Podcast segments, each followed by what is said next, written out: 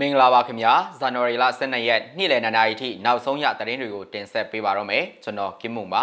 ရန်ကုန်မှာလမ်းသွားလမ်းလာအရက်သားတွေကိုဖမ်းပြီးယူနီဖောင်းပေးဝက်ကကင်းလှည့်ခိုင်းတဲ့ဖြစ်စဉ်တွေရှိနေတဲ့သတင်းမြန်မာအရေးဖြည့်ရှင်းရမှာအာဆီယံအလက်ကျဥက္ကဋ္ဌနဲ့နီးနီးကပ်ကပ်ပူးပေါင်းဆောင်ရွက်မယ်လို့အိန္ဒိယပြောတဲ့သတင်းမင်းကဲမြို့နယ်စနဘင်းချေဝါကိုစစ်ကောင်စီတပ်ကဝင်ရောက်စီးနင်းပြီးကလေးငယ်တအူးပြစ်တက်ခံရတဲ့သတင်းနဲ့နိုင်ငံတကာဘက်မှာတော့ ကာဇက်စတန်မှာဖြစ်ပွားခဲ့တဲ့စူပူအောင်ချမှုများအပြီးမော်စကိုမြို့ရှိကာဇက်တန်ယုံရှိမှာပန်းတွေချခဲ့ကြတဲ့သတင်းအစရှိတဲ့သတင်းတွေကိုတင်ဆက်ပေးသွားမှာပါ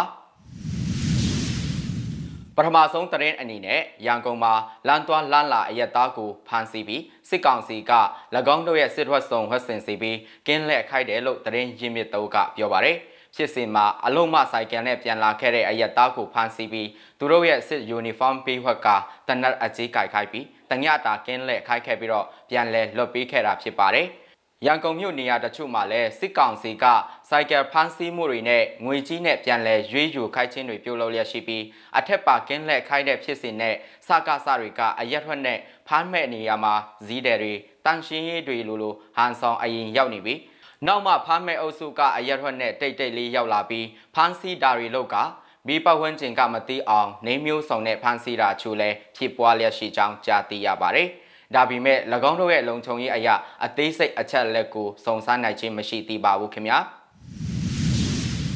နောက်ထပ်သတင်းသဘောအနေနဲ့မြန်မာအကြက်တဲကိုဖြည့်ရှင်းရမှာယခုနှစ်အာဆီယံအလဲကျဥက္ကဋ္ဌကမ္ဘောဒီးယားနိုင်ငံနဲ့နီးနီးကပ်ကပ်လက်တွဲလှုပ်ဆောင်သွားမှာဖြစ်ကြောင်းအိန္ဒိယကပြောကြားခဲ့ပါတယ်။ ကမ္ဘောဒီးယားနိုင်ငံချားရေးနဲ့နိုင်ငံတကာပူးပေါင်းဆောင်ရွက်ရေးဝန်ကြီး Press Sokon နဲ့အိန္ဒိယနိုင်ငံချားရေးဝန်ကြီး S Jai Shankar တို့ဇန်နဝါရီလ10ရက်ကတယ်လီဖုန်းဆက်ဆွေးနွေးစဉ်အိန္ဒိယကအထက်ပါအတိုင်းပြောဆိုခဲ့ခြင်းဖြစ်ပါတယ်။ အဆိုပါဖုန်းခေါ်ဆိုဆွေးနွေးစဉ်ကမ္ဘောဒီးယားနိုင်ငံချားရေးဝန်ကြီးစခွန်ကပြီးခဲ့တဲ့အပတ်ကမြန်မာအကြက်တရဲဖြည့်ရှင်းဖို့ကြိုးပမ်းမှုတစ်ခုဖြစ်ဝန်ကြီးချုပ်ဝန်ဆန်မြန်မာနိုင်ငံတို့တွားရောက်ပြီးစစ်ကောင်စီခေါင်းဆောင်နဲ့တွေ့ဆုံခဲ့တဲ့ခရီးစဉ်ရလဒ်တွေကိုဂျိုင်ရှင်ကာကိုပြန်လည်ပြောပြခဲ့တယ်လို့သိရပါတယ်။မြန်မာရဲ့အိမ်နီးချင်းဖြစ်တဲ့အိန္ဒိယဟာမြန်မာနိုင်ငံရဲ့အခြေအနေကိုနေကပ်စွာစောင့်ကြည့်နေတာဖြစ်တယ်။နောက်ပြီးယခုနှစ်အာဆီယံဥက္ကဋ္ဌတာဝန်ယူနေတဲ့ကမ္ဘောဒီးယားရဲ့အရေးပါတဲ့အခမ်းကဏ္ဍကိုလည်းအိန္ဒိယကတန်ဖိုးထားတယ်လို့ဆိုပါတယ်ကျွန်တော်အနေနဲ့ဒီဖုန်းခေါ်ဆိုမှုမှာပြီးခဲ့တဲ့အပတ်က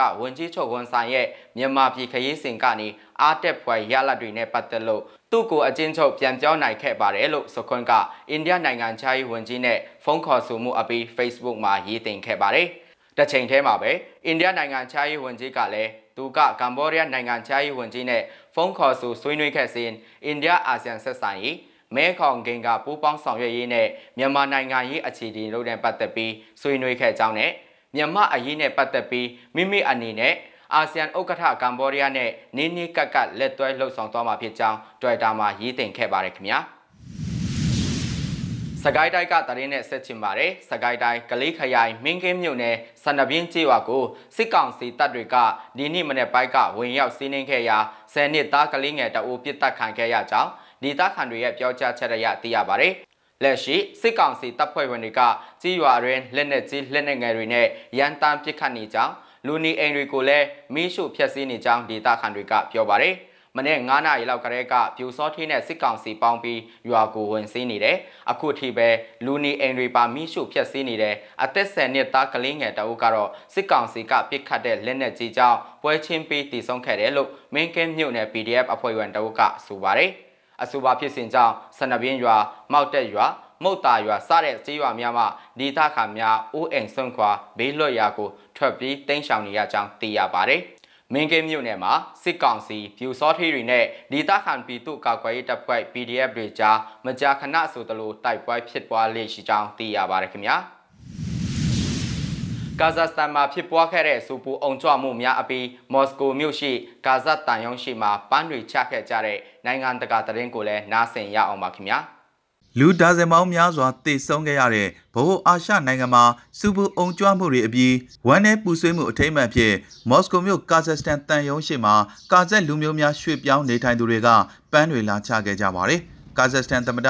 တိုကယက်ကတော့နိုင်ငံရဲ့တမိုင်းဝင်မငြိမ်မသက်ဖြစ်ပွားခဲ့မှုတွေကို အာဏာသိမ်းဖို့ကြိုးပမ်းမှုအဖြစ် January လ10ရက်တနင်္လာနေ့ကပြောကြားလိုက်ပြီး၎င်းရဲ့လုံခြုံရေးတာဝန်ဆောင်ရွက်မှုတွေအတွင်ငြိမ်းချမ်းစွာဆန္ဒပြသူတွေကိုဘယ်တော့မှပြစ်ခတ်မှာမဟုတ်ကြောင်းကတိပြုပြောကြားခဲ့ပါတယ်။အခွင့်အရေးကိုစောင့်နေတဲ့လက်နက်ကိုင်စစ်သွေးကြွတွေကဆန္ဒပြပွဲတွေမှာပါဝင်လာကြတယ်။အဓိကရည်ရွယ်ချက်ကဖွဲ့စည်းပုံအခြေခံဥပဒေကိုပြတ်ပြားအောင်အစိုးရအဖွဲ့အစည်းကိုဖျက်ဆီးဖို့နဲ့အာဏာသိမ်းဖို့ကြံရွယ်မှုဖြစ်ပါတယ်လို့၎င်းကဆိုပါတယ်။ လောက်စာစီစေးမြင့်တက်မှုနဲ့ပတ်သက်ပြီးဆိုဗီယက်ဟောင်းကာဇက်စတန်နိုင်ငံအနောက်ပိုင်းမှာယခုလအစောပိုင်းကဖြစ်ပွားခဲ့တဲ့မကြုံစဘူးမငြိမ်သက်မှုများဖြစ်ပေါ်လာခဲ့ပါတယ်။စူဘူးအုံကြွမှုအတွင်ဒါဇန်နဲ့ချီ၍တေဆုံးခဲ့ရပြီးလုံခြုံရေးတပ်ဖွဲ့ဝင်တွေရဲ့နှိမ်နင်းမှုများအတွင်လူပေါင်း8000နီးပါးကိုဖမ်းဆီးထိန်းသိမ်းထားကြောင်းပြည်ထရေးဝန်ကြီးဌာနကတနင်္လာနေ့အစောပိုင်းမှာပြောကြားလိုက်ပါတယ်။ အခြားသောဆိုဗီယက်ဟောင်းနိုင်ငံခေါင်းဆောင်များနဲ့တွေ့ဆုံစဉ်မှာမိမိရဲ့လုံခြုံရေးတပ်ဖွဲ့တွေအနေနဲ့ငြိမ်းချမ်းစွာစုဝေးဆန္ဒပြသူတွေကိုပြစ်ဒတ်မှာမဟုတ်ကြောင်းတိုကယက်ကပြောကြားခဲ့ပါတယ်။ကျွန်တော်ဘယ်တော့မှမပြစ်ခိုင်းပါဘူးငင်းချမ်းစွာဆန္ဒပြသူတွေကိုဘယ်တော့မှပြစ်ကတ်မှာမဟုတ်ပါဘူးလို့၎င်းကဆိုပါတယ်။စူဘူအုံကြွမှုများအတွင်မော်စကိုဥဆောင်တဲ့ CHTO စစ်ဖက်မဟာမိတ်အဖွဲ့ဟာတိုကယက်ထံကတောင်းဆိုမှုအပြီးတပ်ဖွဲ့ဝင်2500ကိုနိုင်ငံသို့ဆေလွှတ်ခဲ့ပါတယ်။ တနင်္လာနေ့ကရုရှားကောင်းဆောင်ဗလာဒီမီယာပူတင်အပါအဝင် CHTO နိုင်ငံခေါင်းဆောင်များနဲ့တွေ့ဆုံစဉ်မှာကာဆက်သမ္မတကမကြားခင်မှာရုရှားဥဆောင်တဲ့မစ်ရှင်ကိုအဆုံးသတ်တော့မှာဖြစ်ကြောင်းပြောဆိုခဲ့ပါတယ်။မြစီမရဲ့ဇန်နဝါရီလ12ရက်နေ့လယ်2နာရီထိနောက်ဆုံးရသတင်းတွေကိုတင်ဆက်ပေးခဲ့တာပါမြန်မာပြည်သူတွေကိုစိတ်နှဖျားစမ်းမချမ်းသာကြပါစေခင်ဗျာ